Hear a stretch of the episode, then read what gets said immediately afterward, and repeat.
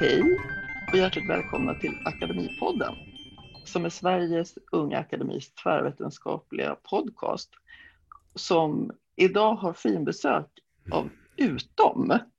Ja, Utom Rickard, det tänkte jag att du skulle få berätta vad det är för något. Utom Unga Tankar och Musik. Men vi är ju en tankesmedja Eh, som ju, ja, men, lite som, eh, vad kallar vi oss? En systerorganisation till Sveriges Unga Akademi. Ehm, som eh, med verksamma, yrkesverksamma musiker, folk inom musikbranschen. Så det är inte bara folk som är liksom, musiker, utan vi har även nu precis fått in en ljudtekniker, vilket känns väldigt spännande. Men också folk som jobbar som bokare och ja, men inom alla möjliga sorters olika genrer. Ehm, ja, där vi träffas och eh, slår våra kloka huvuden ihop och försöker påverka musiklivet på alla plan. Och även också utbildning, musikutbildning såklart. Oh, superkul! En sån inspiration för Väldigt oss. Och, och, och, Sveriges Unga Akademi brukar ju räkna er som en systerakademi. Ja. Mm. Vi ska strax också hälsa på Steffi Burchardt som är ledamot i Sveriges Unga Akademi. Men berätta också kort om dig, Rickard. Vad... Ja, eh, och varför jag sitter här då? Jo, men för att jag eh, jobbar, förutom att jag spelar musik, jag spelar elbas och eh, håller väl mest på med improvisationsmusik och har varit väldigt intresserad av indisk musik, orientalisk musik. Ehm, har väl varit det jag har valt att studera på högskola. Men även jazz och pop och rock och ja, men you name it, I played it nästan. När man spelar bas så får man vara med ofta. Eh, men sen jobbar jag också som musiklärare i Umeå på Midgårdsskolan på estetgymnasiet där. Så därför är jag väl en, en, kandidat att prata om det här med digital undervisning och sånt där. Ja, precis, för det är ju någonting som vi eh, skulle diskutera idag, just digitalisering och eh, digital undervisning versus IRL. Mm undervisning där man möts. Ja, Steffi, hej! Du har varit med här förut. Hej! Men, eh, ja, det händer ibland men, att jag är med. Ja. Men jag ska ändå presentera mig, tänkte jag. Um, för vi kommer ju ha massor med nya lyssnare nu när vi kör med utom. Mm. Eller hur? Absolut. Ja. Uh, jag heter Steffi Borstedt. Jag är eh, vulkanforskare på Uppsala universitet och eh, undervisar där i geovetenskap. Så ibland är jag också lärare för universitetsstudenter. Alltså. Ja. Och jag brukar undervisa både i klassrummet och i fält. När det inte är pandemi. Ja. Ja, vad heter det? Jag skickade ju några frågor till er. Och då mm.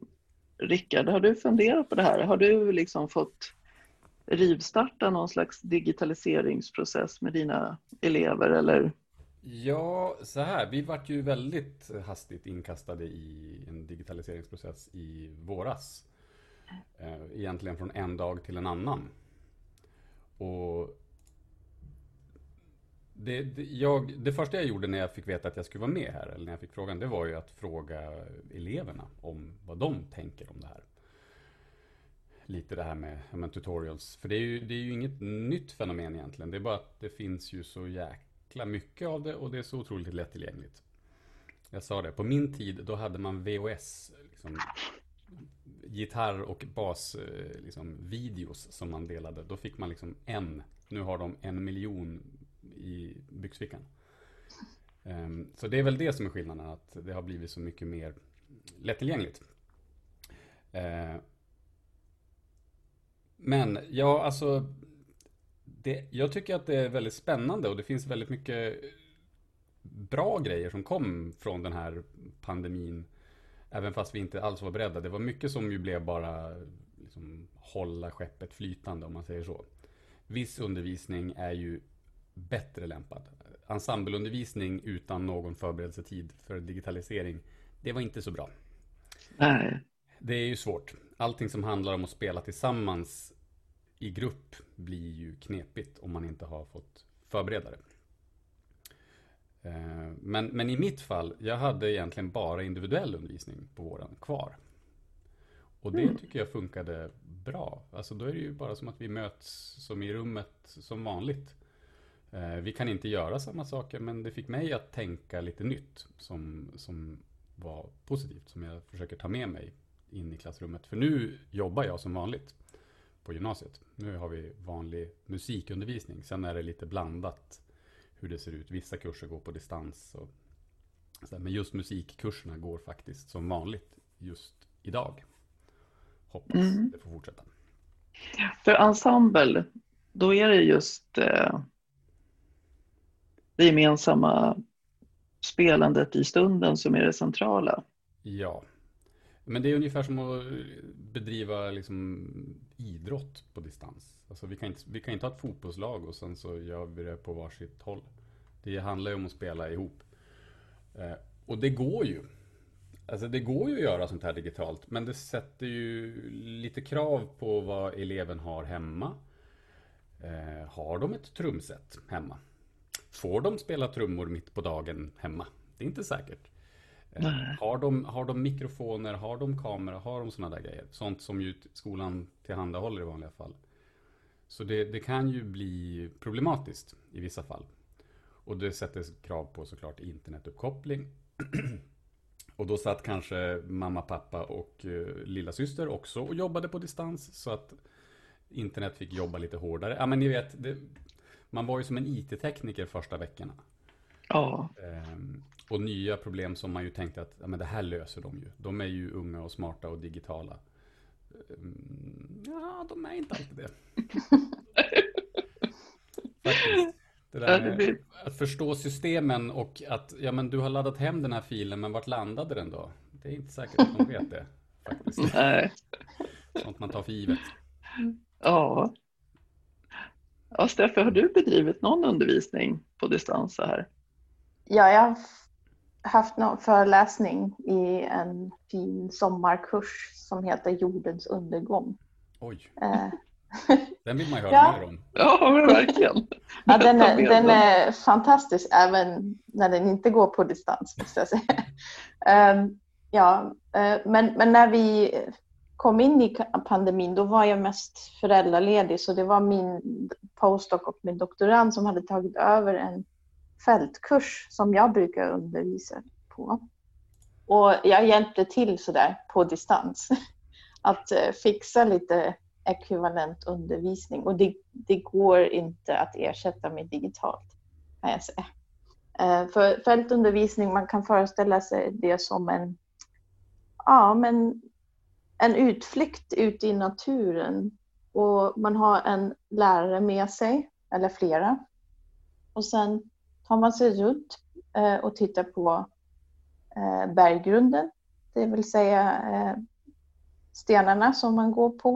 Och man försöker identifiera bergarter och strukturer. Och man försöker tolka sina observationer. Och det är väldigt mycket att man är, är där på plats och eh, upplevelsen av att naturen är väldigt komplex och inte som i klassrummet är väldigt viktig.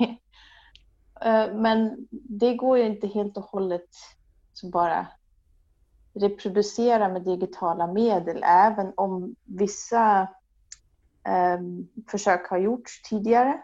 Så det finns, eh, man kan föreställa sig det som VR-spel i princip.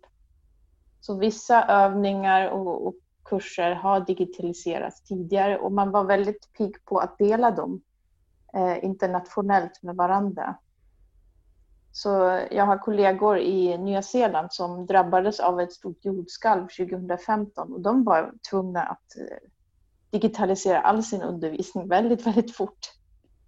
Så, så de hjälpte oss med, med en kurs som vi bara fick låna. Men eh, det var väldigt mycket mer jobb för de som undervisade på den. Är det för att det, man blir det här IT så... Ja, och sen eh, extra support med IT och sen försöka ändå förmedla samma innehåll i princip. ja, och stressen av själva situationen kan man inte underskatta heller. Hur då menar du? Ja, men man, man är i en pandemi, man vet inte hur farligt det är och att gå utanför sin lägenhet och oroa sig väldigt mycket. Studenterna är väldigt oroliga. Och, och till det kommer ju att hela lärandesituationen ändras. Mm. Så, så det får man inte underskatta. I vanligt fall så, så har vi i fält till exempel, då är det väder, vind, det, det blåser, det är kallt eller det är för varmt eller man får liksom bränna sig när man inte har solkräm och så. Allt det här spelar in i hur folk lär sig också.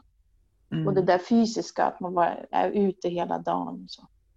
så det är en helt annan situation att, ska, att plötsligt sitta på sin soffa och ska ta in um, ja, fakta och interagera också med läraren och med sina medstudenter. Det är plötsligt en, en väldigt annorlunda situation. Ja. Känner du igen ja. det Rickard?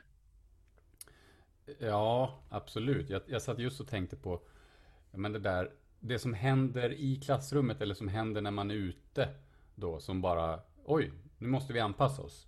Alltså så här, spontana infall och, eh, från lärare eller studenter. Frågor, alltså sånt där som då dyker upp. Det tyckte jag var lite knepigare att göra digitalt. Eh, man har, man har ju som en, när man har undervisat ett tag så har man ju ganska mycket att falla tillbaka på. Att det här, okej, okay, men oh, jag kan lyfta fram den här låten eller oh, du spelar så, då visar jag någonting annat. Och det funkade ju inte riktigt på samma sätt. Ehm, men än en gång, det, för mig så blev det ju ett tillfälle att försöka tänka, alright, men då måste jag ju hitta någon ny ingång. Jag kan inte göra som jag brukar, utan jag måste försöka ha något nytt att säga eller liksom en ny övning att ge. Men det går ju inte. Alltså, det är ju bara att försöka göra det bästa av situationen. Men det, det är ju svårt, svårt att liksom ersätta det. Det tror jag inte går inom musik. Det kanske, vi, vi hade kanske för, för stora krav på oss själva att ersätta det, det som fanns tidigare. Om vi, hade helt, om vi hade haft friheten att tänka nytt utan krav hade det kanske varit bättre. Det, jag... Även om vi såklart måste garantera en bra utbildning för våra studenter och att viss innehåll måste ju överföras. Men, men ändå att, att allt behöver vara exakt som tidigare.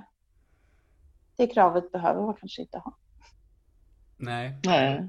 det var ganska kul att höra eh, lite grann när eleverna nu kom tillbaka i, i början av höstterminen så var de ju först, vi hade ju fått budet först att okej, okay, men skolan börjar, allt kommer vara som vanligt.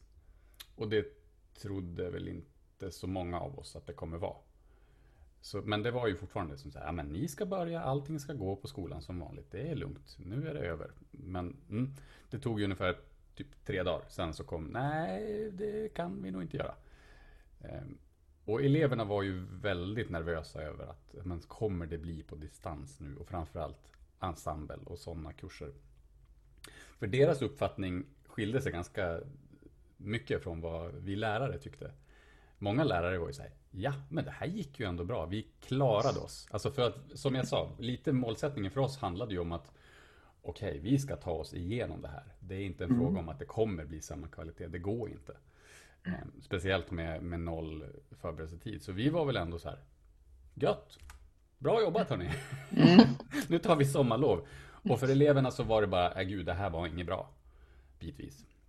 De förstod ju också givetvis, men, men bara skillnaden på hur vi såg på hur det hade gått var ganska stor inom vissa kurser. Ja, vad hade de för eh, kritik då? Vad hade de saknat? Eh, ja, men de saknar ju att, såklart att spela tillsammans. Det var ja. ju, nu, och nu tittar jag väldigt mycket på just ensemble-kursen, för det var den stora som de eh, verkligen ville ha. Att, att få spela. För det, det gick som inte att göra. Ja, de satt och plankade låtar eller de lyssnade på musik. Vilket som, som ju är också nyttiga uppgifter. Sånt där som vi kanske glömmer bort lite grann. Eh, men då var det ju bara det där. Mm. Eh, och, och de, man har ju aldrig träffat så liksom, sugna elever som nu i höstas. De var ju helt överlyckliga över att få vara på skolan. Alltså det är ju också härligt Ja. att de insåg Ja. att men du, visst är det ganska kul att få träffa kompisar. Alltså som det sociala sammanhanget. Det kan man förstå. Det kan Ja. man absolut förstå. Ja. De trodde att det skulle vara asskönt att vara hemma och softa och lite sovmorgon och lektioner och sådär. Men de fattade också fort att det här var inget kul. Nej. Så de saknade ju att träffa varandra och spela. Och, och liksom, vi, är- vi är ganska många musiklärare där jag jobbar. Alltså vi är typ 16 stycken. Eh, och har, ska jag säga, en ganska liksom, god relation till våra elever. De, de kommer och tjoar och kimmar och liksom man surrar med dem i korridoren. Alltså det där. Vad härligt det låter. Ja. Ja, ja precis. Sen får vi ta hit en elev och se om, om de håller med mig. det är säkert. Men generellt så har vi en hög trivsel på skolan. Och, och fina lokaler också för den delen. Som de ju insåg att hoppsan, jag har faktiskt inte något trumset. Till exempel. Mm. Nej, jag får inte spela trummor. Nej, men det kan ju vara sådär enkelt att vissa instrument, jag spelar ju som sagt bas och undervisar eh, liksom elbasister. Ehm, inom liksom, just bas och gitarr finns det, piano också för den delen, jättemycket på YouTube. Och det är ganska tydligt för att man kan som peka och se, jag behöver knappt lyssna för man kan som titta på hur handen rör sig. Mm. Så kan man titta och härma. Medan sång, det är ju som en, det är ju svårt att titta och se hur någon sjunger. Man kan ju lyssna men man förstår som inte, jaha men vilka muskler gör vad och sådär. Så Men ser man inte det? Nej, det ska jag inte säga. Nu är inte jag sånglärare, men det är, det är ju, sång är ju som inuti. Alltså, Ja. det, det går inte lika, jag kan alltid visa på en, på en bas att här, tryck på den här saken. Du behöver inte veta vad det är, du behöver inte förstå, men du liksom trycker där så kommer det låta rätt. Och Och vad jag har förstått så finns det ett, ett nästan till oändligt antal gitarr och bas-tutorials. Ja, gitarrister har det ju bäst, eller värst. Mm. Det är, det är en sån genre eller ett sånt instrument som eh, frodas på internet. Ja, av, säkert av flera anledningar. Men dels för att det faktiskt är så, ja, dels många som spelar gitarr, men Mm. tydligt.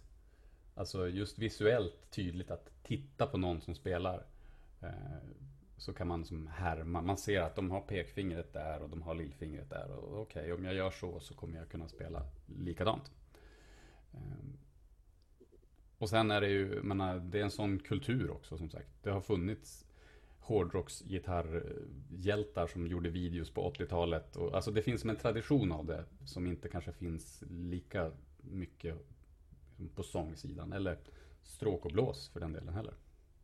Det kanske är något som de kan eh, lära sig av ändå.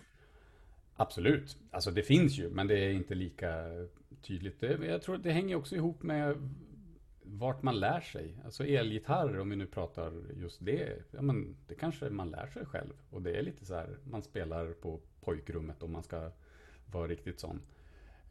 Och man, Jag har, jag har en sån hemma ska jag Ja, erkänna. ja, men då vet du precis.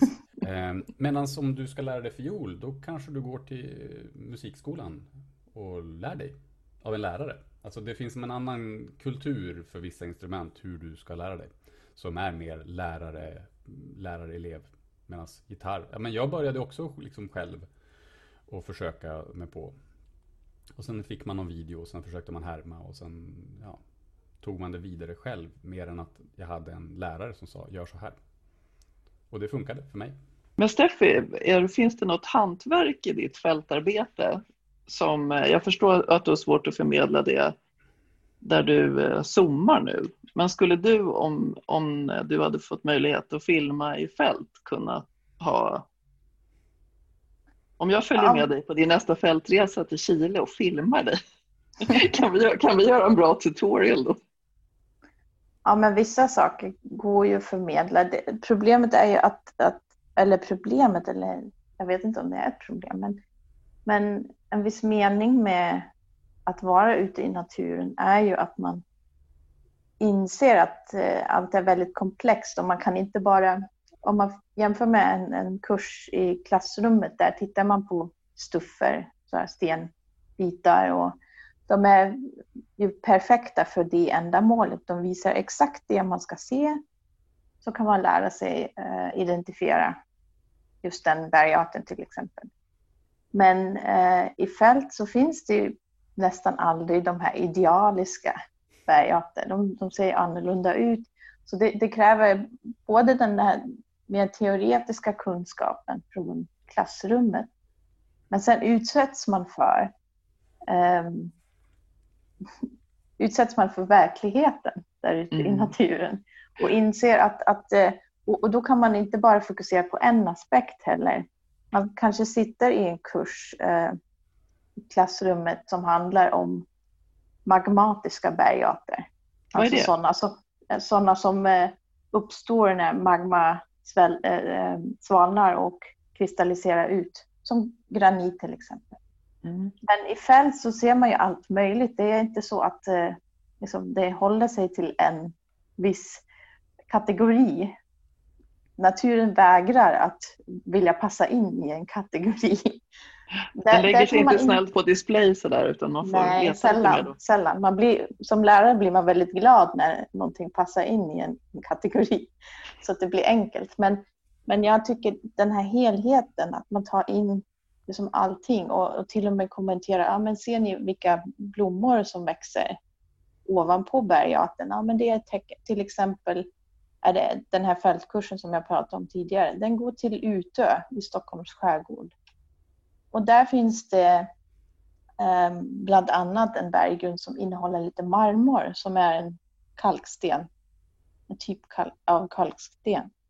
Och på den så växer det på våren när vi brukar vara där jättefina orkidéer. Så man kan se från, liksom härleda, här växer det orkidéer, det måste vara kalksten under. Så det är den här liksom multidimensionella upplevelsen, den går typ inte riktigt att, att eh, reproducera. Men såklart så skulle det hjälpa att kunna åka ut och filma lite och visa lite saker på film som man inte kan ha i klassrummet eller digitalt. Och några kollegor har, har även gjort det. De har tagit vår drönare och har åkt ut och spelat in lite filmer som ska underlätta för studenterna att lära sig. Mm. Nu kör vi eh, i Uppsala i alla fall så kör vi lite blandat. Eh, våra första års eh, studenter så på kandidaten och mastern, de eh, är mer på plats än de andra. Och vi kör de praktiska momenten, de kör vi på plats och föreläsningar kör vi fortfarande på Zoom. Så att vi minskar antalet folk som, som rör sig liksom både i trafiken och i våra lokaler. Så det, vi försöker göra det bästa av, av den här nuvarande situationen. En bra mix. En bra mix eller det eh, bästa och, man kan få till kanske? Ja, um, man kan ju argumentera om, om uh, föreläsningar på Zoom har samma kvalitet än uh, i klassrummet, men man måste ju ändå kompromissa.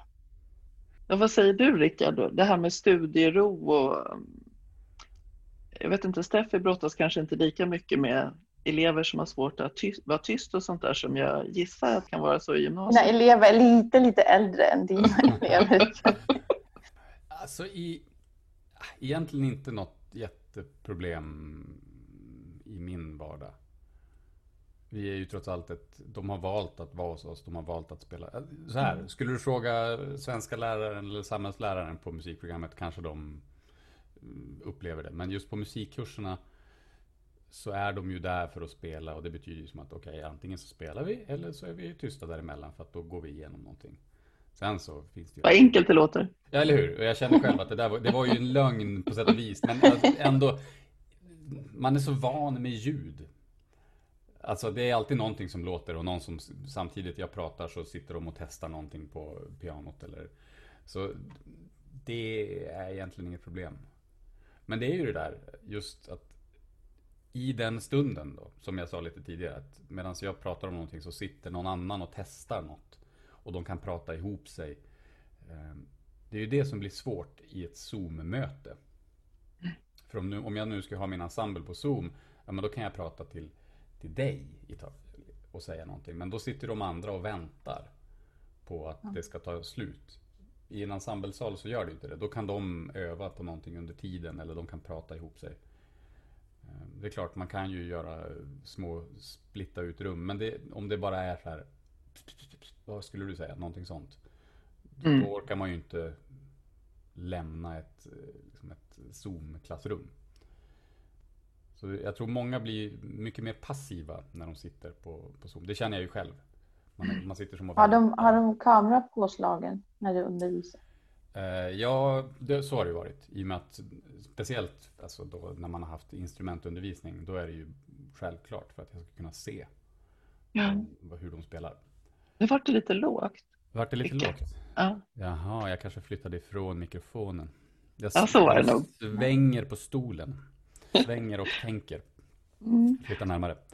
Eh, jo, men de har kamera på. Men jag tror att på de teoretiska ämnena så är det lite mer att de får eh, upprop med kamera. Och sen har de kunnat stänga av eller ja, gå iväg mm. och göra någonting.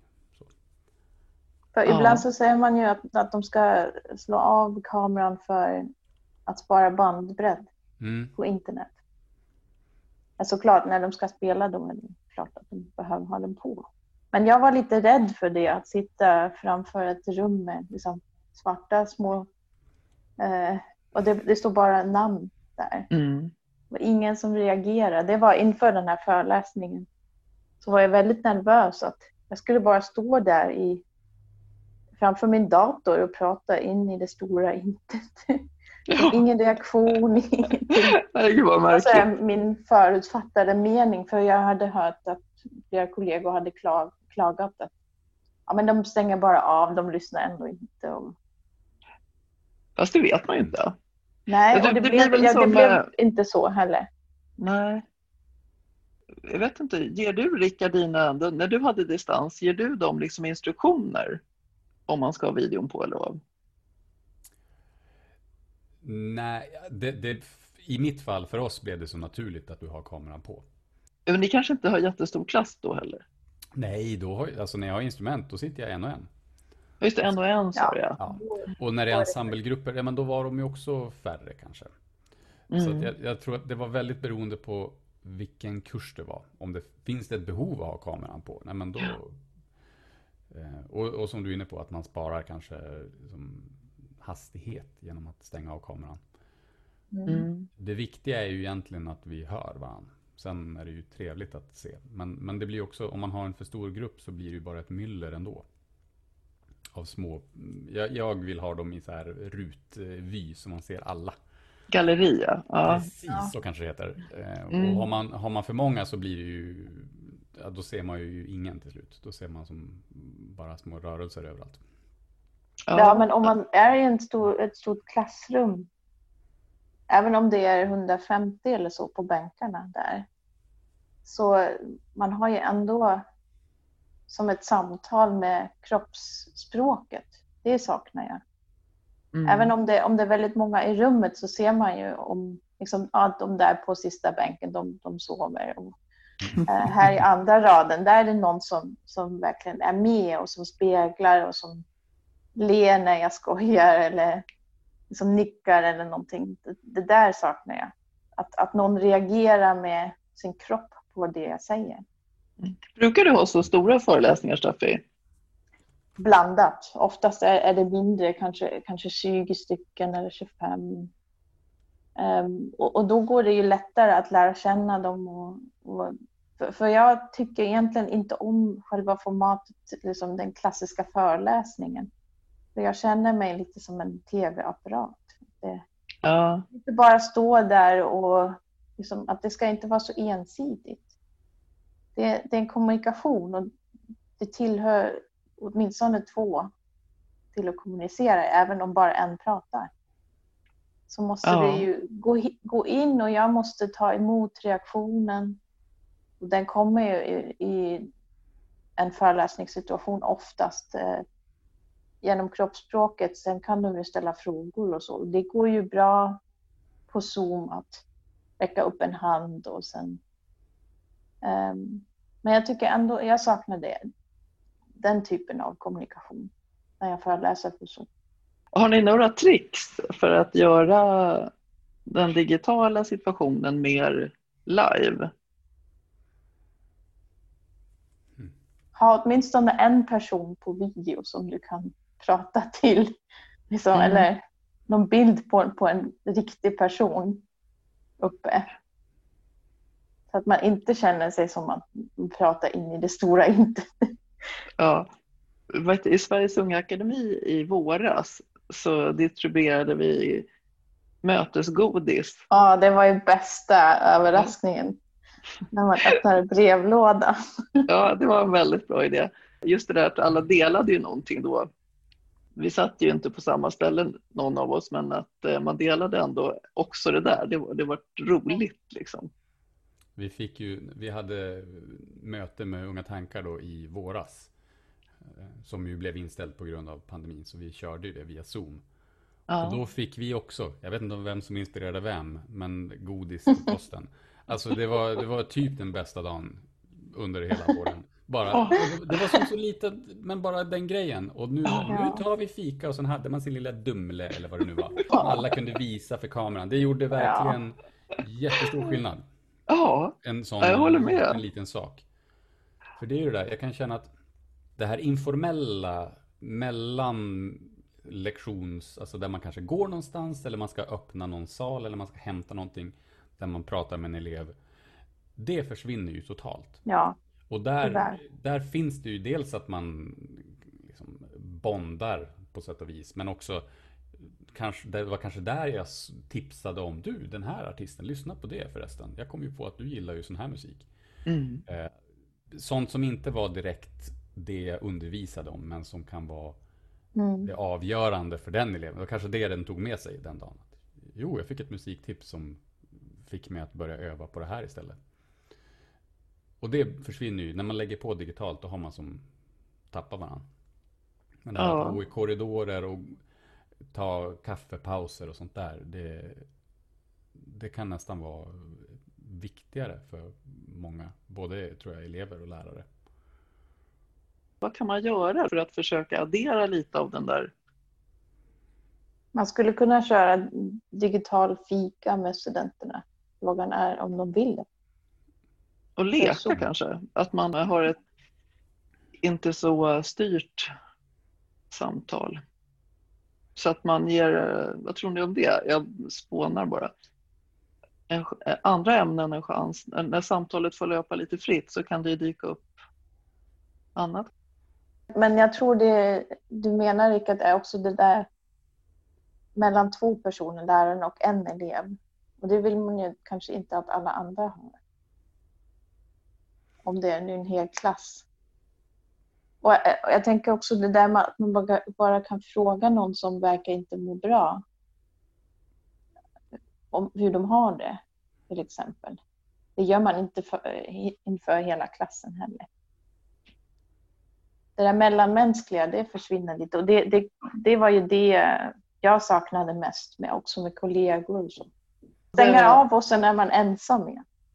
Ja, precis. Var det någon, eh, stötte ni på någon sån situation?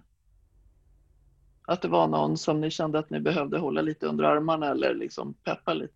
Ja, men det var ju mest med, med min forskargrupp då, att vi pratar om, om, hur de mår då i pandemisituationen och då är det mer en och en på Zoom.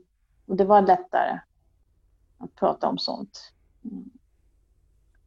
Mm. Vad säger du Rickard? Men det är ju alltid, man vet ju inte, även om vi kanske vet mycket om eleverna på skolan och hur, de, hur deras situation är, så kanske man inte alltid har en bild om hur det ser ut hemma. Sådär. Ehm, och det kanske inte är så lätt att heller prata om hemma för, för en elev. Ehm, det finns också den där aspekten att Jaha, nu bjuder jag in dig i mitt rum eller liksom i mitt hem. Att visa, men vad har jag bakom mig? Det kan ju bli väldigt tydligt.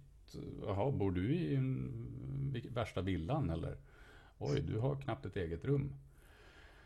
Eh, ja men sådana där grejer, kunde, mm. speciellt då jag som satt med en elev. Nu, det var aldrig några sådana problem. Jag upplevde i alla fall ingenting. Men ja, man tänker ju ändå att okej, okay, vad händer om jag ser någonting nu? Eller helt plötsligt så så är det som att någon förälder är, dyker upp i bakgrunden. Eh, man, man är ju som inne i ett rum som man inte kanske som lärare vill vara i. Mm. Eh, För det kan bli, det, liksom, man går över gränsen när det blir kanske lite för personligt. Eh, Och, ja, men, och samma sak åt andra hållet givetvis. Det, de är kanske inte så superintresserade av att titta vad jag har hemma. Och, Folk har blivit lite mänskligare tycker jag. När man Mm. ser deras hem. Man, liksom, Ja. Men det, kan- det, och, och det kan ju vara positivt och Ja. negativt beroende på situationen. Då. Alltså för I mitt fall så var det ju inga problem. Men som sagt, man, man hinner ju som ändå tänka att oj då, det här, vad händer? Vad gör jag om någonting skulle hända? Eh, sådär. Det, ja, men jag antar att man kan, i alla fall med så unga elever som du var Rickard, att man kan, nu ska vi ha undervisning och det här kommer att ske hemma hos dig. Tänk på det här. Absolut. Alltså, jag, för jag tänkte så här, med sociala medier och internet så har ju skolor fått jobba otroligt med Mm. hur man uppför sig mot varandra och inte. Och, och det har uppstått mycket rabalder på internet. Alltså man, det kan väl bli en förlängning av det i sig. Ja, nej men det, det, det finns ingen handbok för det just nu. Tror jag. Vi vet om det händer någonting på skolan så finns det en manual för liksom, olika situationer. Men när det händer digitalt så kan det ju bli, oh, hopp, vänta nu, vem, vem gör vad egentligen i det här läget? Ja, tänker, det kommer ju säkert så småningom. Det finns säkert folk som jobbar på det. As we speak.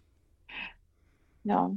Men det, vi har ju vuxna elever och, och då är distansen vanligtvis lite större. Så det är sällan man hör om deras personliga problem när Mm. man träffar dem i klassrummet. Det är mer faktiskt när man är på fältarbete och de sover liksom på till exempel på, ehm, ja, tillsammans i, i, på hotell eller något sånt när man är längre bort.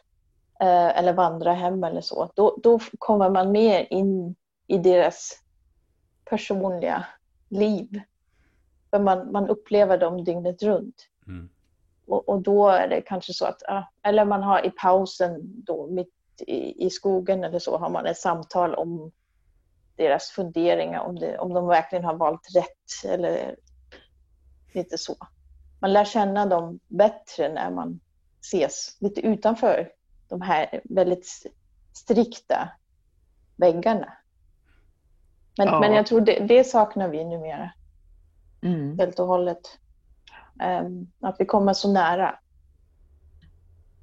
Det finns ju de som säger att eh, en del skillnader i fysiska möten eh, reduceras därför att vi likställs mer digitalt. Mm. Är det något som ni har upplevt? Ja, rent teoretiskt så kan man väl säga det. Alla är små rutor bara på Mm. en skärm. Ja. De är små rutor i min verklighet också bara. Ja. runt i. Nej. Ja, ja. Nej, jag vet inte. Alltså i mitt fall så tänker jag att det inte behöver inte betyda något positivt. Alltså så här att jag kan stötta mer individuellt när vi träffas. Ja, jag tycker också att det är mest negativt att Ja, eh, de upplevs inte som individer då. Och Nej. kanske vi, vi inte heller. Vi är Vi- bara på, som någon på Youtube bara, som man kan stänga Ja. av sig. Ja, men som du var inne på där Steffi, att man pratar liksom bara till en skärm. Man får ingen respons, man vet inte vad, vad de här små rutorna tänker. Och det kanske det krävs mer att trycka på den här hej, jag räcker upp handen, jag har en fråga. Mm. Än att ställa en fråga i ett klassrum. Ehm, Och framförallt, Fast- man, Kanske finns det några som tycker det är lättare att formulera sig i skrift och skriva in i chatten. abs- absolut, jag tror det finns båda sidorna. Mm. Ehm, Så det är därför det inte behöver vara negativt.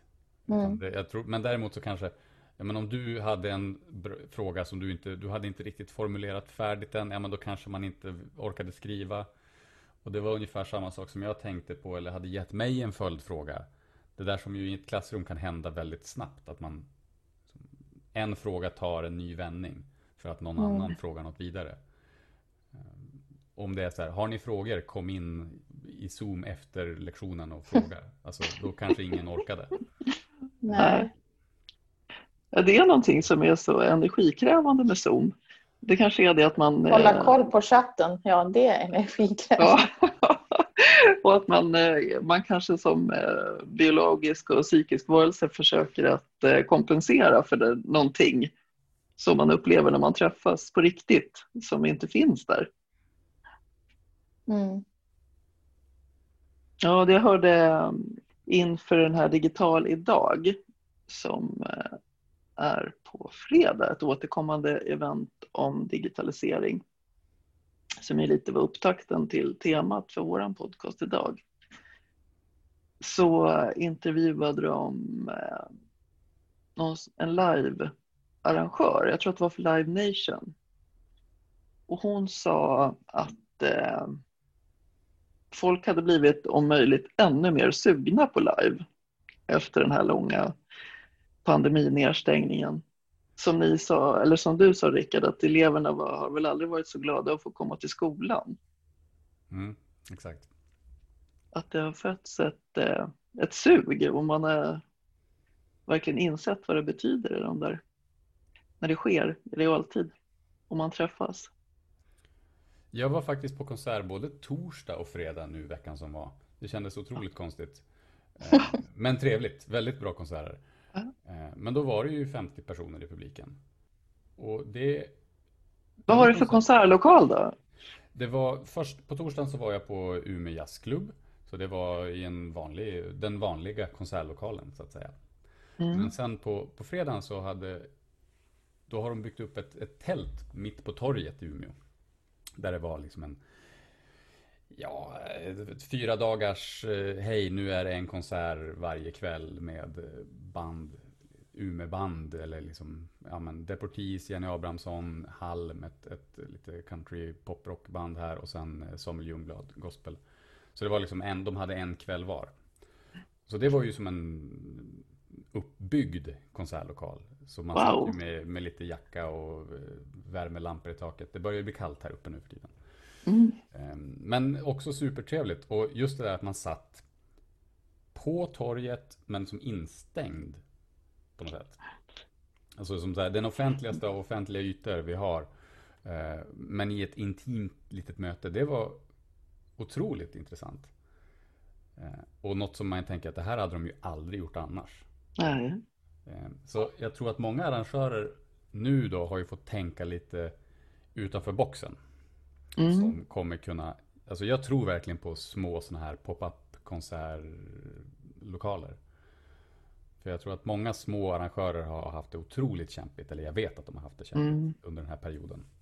Och det är de vi behöver. Konserthusen, kanon, de behöver vi också. Men om vi inte har de små scenerna där band och artister får mm, prova sina vingar och utvecklas, då kommer de aldrig ta sig till konserthuset. De kommer aldrig till Globen. Det är väl lite som eh, någon slags barnkammare. Man säger att korallreven är ju barnkammare för många marina arter. Och man behöver de här eh, någon slags inkubatorerna för att musiken ska födas Ja, och utvecklas. Ja, frågan är om hur, hur vår utbildning skulle bli om vi skulle vara tvungna att, att fortsätta så här digitalt under flera år. Så att vissa elever aldrig får uppleva det som vi kallar för vanlig undervisning. Mm. Vad vi skulle tappa då i så fall. Det, Ja. det är ju bara spekulation. Men, Nu är ju inte det här att likställa kanske med ofrivillig ensamhet eller isolering i den bemärkelsen. Men eh, det sägs att eh, man har identifierat just ofrivillig ensamhet som ett lika stort hälsoproblem som eh, till exempel stillasittande eller eh, dålig kosthållning. Att det här att inte få social interaktion verkligen inverkar menligt på människors hälsa. mm. Så det kanske är någonting man kommer att se. Och, och ska man lära sig någonting så behöver man ju må bra. Jag tror, det kräver ganska mycket av, om vi nu tänker, om jag tittar på mina elever, kräver väldigt mycket eget ansvar. Ja, som man kanske inte är beredd att ta. Alltså bara för det är nog så jobbigt att gå i gymnasiet. Eh, Du har nog så mycket liksom, stora grejer framför dig som händer. Sen ska du också ta ansvar för att du ska kanske ta en promenad och du ska komma ut och träna och du ska ha fixat lunch för att eh, du fick ingen skolmat. Alltså sådana som känns som små saker. Som ju i det stora hela blir ytterligare grejer som du måste göra. Eh, Och när det blir för mycket måsten då... då... Det är svårt nog för oss vuxna att Eh, Exakt, hålla exakt. koll på allt det där. Vi får trots allt betalt oftast för att göra vårt jobb. De, de, de har bara någon som säger att ni måste, ni ska. Eh, De är liksom inte där än, men de har ändå förväntningen på sig att, ja men okej. För att jag kanske gick och tränade efter skolan i vanliga fall. För att gymmet låg i närheten eller ja, jag kunde träna på skolan. Men nej, och då får jag inte gå till skolan och då kanske jag inte kommer till gymmet och då har jag suttit still hela dagen och ni vet, det blir som en ond cirkel. Mm. Det där tror jag är... Eller det, det är än en gång, det var ju det men- själva uttryckte eleverna. Och sen också den här interaktionen med kompisar, för det är ju deras, hela deras värld är ju... Och det, så är det för studenter nog också. De flyttar till en ny stad, har inte sin familj nära, så, så deras liksom, kompisar där, studiekompisar, det är den nya familjen. Plötsligt ska de inte ses. Så Mm. det är, det är nu i i en helt ny situation, i en ny stad. Och, eller så, så eh, åkte de hem, för det fanns ingen poäng med att vara på Ja, universitet. studentlivet är Ja. inte en oväsentlig del av att plugga. Ja, och, och det krävs väl för att ge en viss balans i livet. Mm. Det, inte bara sitta i lärosalen och plugga, plugga, plugga. Nej, tiden börjar lite närma sig. Mm, jag tänkte vad vi skulle hålla-. Ja, det gör det. Vad säger ni om eh, de hjälpmedel som ni har digitalt? Ni har säkert Zoom och ni kanske har schemaprogram eller Jag, jag har kört Zoom hela tiden. Jag tyckte att det kändes som det bättre alternativet. Mm. Ehm, och ja, mycket saker som inte funkade som jag hade hoppats. Till exempel, jag hade tänkt att ja, vi kan spela in och skicka filmer till och från. Men det var som att ljudkvaliteten inte riktigt höll för, för sådana grejer. mm. Men jag vet inte, jag tänker Min första tanke var ju bara okej, vad spännande. Alltså att man är lite nyfiken på de här digitala verktygen. Inte bli direkt bara åh nej, måste jag lära mig något nytt och vad är det här? Utan bara som testa och se. Jag är med den här, åh nej, måste jag lära mig Ja. något nytt? Har du, har du gjort eh, virtuella såna här bakgrunder med Zoom? Då blir ju Zoom Ja, ja, ja, ja. mycket Men- roligare Ja men exakt I början så gick jag en, en, så här, en eller jag testade Zoom i en sån en timmes kurs på Zoom. Oj. Men, men jag gick ut efter 20 minuter eller så. Efter jag lärt mig hur man gör bakgrund. Ja, det är allt man behövde Ja, precis. Men, men eh, sen var det ju, man pratade med kollegor och skojade lite och ja, det, då lär man sig. Mm. Ja, men och det är det. Inte tro att man behöver kunna allt dag ett. Alltså vad, vad är det viktiga? Okej, jag måste kunna koppla upp, jag måste se att ljud och bild funkar. Eh, Jag behöver inte förstå alla liksom, inställningar. Jag tror många har som ett behov av att kunna förstå hur funkar allt då? Hur vet jag? Om det här händer, ja men du kanske kan vänta med den frågan tills det händer. Ja, jag lärde mig breakout rooms väldigt sent. För jag behövde inte det tidigare. Nej, ja, men exakt. Eh, Men, men jag tycker Zoom, nu var jag ju tvungen att ta, liksom, vissa tar ju vad, Google Hangouts och vad det nu heter och så. Men jag föredrar Zoom. Så Mm. det, ja, så det är nog det verktyget som jag uppskattar mest. Nu Ja, vaknade bebisen. nu är det utflykt här. ah, Tilda! ja, och det, det är en, en sån sak med digitalisering. Man, man eh, kan ju vara föräldraledig och vara med sina kollegor och studenter och så. Man får jobba trots att man är ledig. Sån himla bonus. Hej, kolla! Där var det någon. Ja, hon, Hej. hon är ju eh, Zoom-proffs. Hej Tilda! Hej! Hon har ju tillbringat en stor del av hennes liv på Zoom. Och så så när, när, men det väl släppte lite um, sådär före sommaren och vi gick ut och träffade riktiga människor, då var hon sådär wow, det finns inte bara på skärm. Mm. Ja. Ja, vilket konstigt sätt att börja livet. Ja, Äh, äh, Steffi och jag jobbar i ett projekt för Sveriges Unga Akademi med en barnbok. Och då har Tilda varit med oss på många möten. Vi hoppas förresten få komma till Umeå Ja, med, i samband med den boken. ja det vill vi jättegärna. Då kanske vi kan göra någonting tillsammans. Det vore ju fantastiskt. Absolut, det är dyka upp så jag, jag sitter Vi, här. vi behöver en soundtrack till boken. Absolut. Inte minst. Det, går, det kan vi ordna. Vi är ett par om ni behöver. Det finns hur många soundtracks som helst här uppe. Åh, vad härligt. Ja, ja det Ja. låter verkligen bra. Men, och så, nu eh, har det ju lättat lite grann, men det, läget känns ju väldigt osäkert, så vitt jag kan förstå, idag. Den 29 september i pandemin, hur det ska bli. Men när det lättar sen, vad längtar ni efter att göra som man inte har kunnat göra?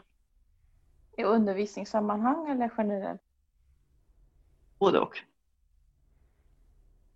Generellt så längtar jag efter att krama folk. Ja, Inte nödvändigtvis mina studenter.